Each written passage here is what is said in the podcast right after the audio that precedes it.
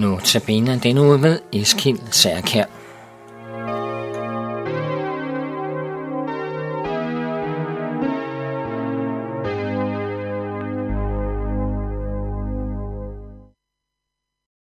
Goddag. Jeg er Eskild Særkær og diakon. I denne uge ser vi profetien om Jesus, der står i Esajas 53, og vi er nu kommet til vers 8.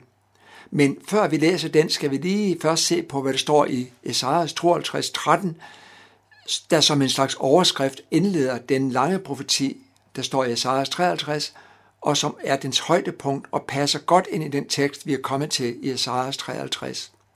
Det handler her primært, også her primært om Jesus på korset. Lad os læse verset.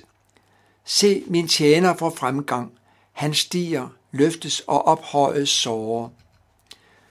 Før vi ser på selve teksten, så lad os bede for udsendelsen. Herre, jeg beder dig om din velsignelse over det, vi skal gennemgå i dag, at vi må se profetien om dig i det rette lys, så du må, så vi må prise dig for den store frelse, som vi har fået i Jesu Kristi navn. Amen. I det vers fra Isaias 53, vi har set på, i de forrige dage er Jesu komme til jord beskrevet, både hans gerning og hvordan han blev modtaget, og derefter hans lidelse og korsfæstelse, som vi ser med vers 5, hvor der står, at han blev såret eller gennemboret for vores overtrædelser. Og i vers 6, Herren lod falde på ham den skyld, der lå på os alle. Alt dette taler om, at han for vores skyld blev dybt fornedret, men det er også her, han blev dybt eller højt ophøjet. Derfor har vi også taget korset til os som symbol på og et vidnesbyrd om Jesu fuldkommende sejr over synden, døden og djævlen. Kort for før sin lidelse og død taler Jesus om det og siger, Nu går der dom over denne verden. Nu skal denne verdens fyrste kastes ud. Og jeg, når jeg er blevet ophøjet, vil jeg drage alle til mig. Dette sagde han for at betegne på hvilken måde han skulle dø. Det er jo denne ophøjelse, der tales om i Esajas 52, 13. Det er jo der på Golgatas kors, at Jesus blev ophøjet, da han tog vores synd og straf på sig, og da sejren blev vor, råbte han og sagde, det er fuldbragt. Disse ord kan også oversættes til, at det er gjort færdigt. Det betyder konkret, at der ikke kan og skal lægges mere til den frelse, som Jesus har givet os ved sin død. Tror vi det, og tager vi tilflugt til Jesu fuldbragte værk på Golgata, så er vi, som skriften siger, frelst af noget. Og med dette står skriften fast, at frelsen er en gave fra Gud. Det skyldes ikke noget i os selv, hverken vores gerninger eller vores fromhed, men ham alene. Som vi læste det i Isaias 52, 12, nej 13 var det, så nævnes Jesu ophøjelse her med tre, fors- tre forskellige gange med forskellige ord. Han stiger, løftes ophøjet sårer. Jeg tror, det beskriver tre trin i hans ophøjelse. Vi har allerede set på det første, som var Jesus på korset. Det næste skete i forbindelse med og efter hans opstandelse og himmelfart. Paulus forklarer, at fordi Jesus ydmygede sig selv og blev lyttet til døden, ja døden på et kors, derfor har Gud højt ophøjet ham og skænket ham navne over alle navne. Det tredje trin i Jesu ophøjelse er den dag, hvor vi skal se ham i al sin herlighed og modtage vores evige tilbedelse. Vi ser ham som brudgommen og som kongernes konge og herrenes herre. Det sker den dag, hvor døden for stadig er opslugt, og han skal aftørre tåren af hver kind og gøre ende på sit folks skam over hele jorden. Efter vi har set på Jesu trefoldige ophøjelse, skal vi tilbage til det første, for det er jo primært den, øh, vi har øh, ud fra Esajas 53 kredset om. Vi skal derfor, efter vi har set på Jesu ophøjelse på korset, se på den tekst, der følger lige efter, og som vi nu læser, og det er så vers 8 og 9.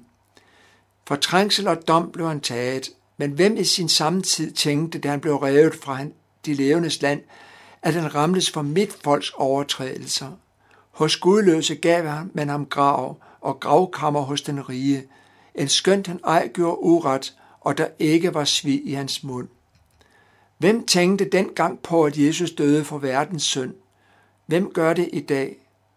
Vi har tidligere set, at de dengang mente, at han døde for sin egne sønder, og det skønt han ej gjorde uret, som det også pointeres her. Hebræerbrevets forfatter skriver om det samme, når han taler om Jesus og siger, han har været fristet i alle ting, ligesom vi, dog uden synd. Ja, faktisk bevines det igen og igen i det nye testamente. Her vil dog kun citere det, der sker lige efter Jesu forhør hos Pilatus. Her indser han nemlig, at Jesus er uskyldig, og i det han, bliver, i det han fører Jesus frem for folkemængden, siger han, i er kommet til mig med denne mand og sagt, at han forleder eller lokker folket til frafald og se, jeg har nu forhørt ham i jeres påhør. Men jeg har ikke fundet denne mand skyld i noget af det, I anklager ham for. Det har Herodes heller ikke, til han har sendt ham tilbage til os. Se, han har altså intet gjort, der fortjener døden. Men de trængte ind på ham med stærke råb og forlangte, at han skulle korsfæstet, og deres råb sejrede. Hvorfor accepterer Jesus denne forhåndelse? Han, som er Guds søn, kunne med største lethed have forhindret det, der skete, og stige ned fra korset, som de senere håne ham for ikke at gøre. Hvorfor gjorde han ikke det? Alene fordi, som det står i profetien, at han blev såret eller gennemboret for vores overtrædelse, knus for vores brødes skyld, eller for vores sønders skyld. Det betyder, at selvom han var uskyldig, så var han dog skyldig, fordi han tog alle vores sønder på sig, og dermed også den straf, som vi havde fortjent.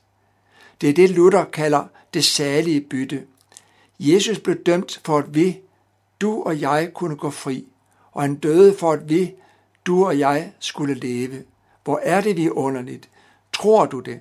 Har du taget din tilflugt til den frelse, som Gud har ragt til os ved Jesus Kristus?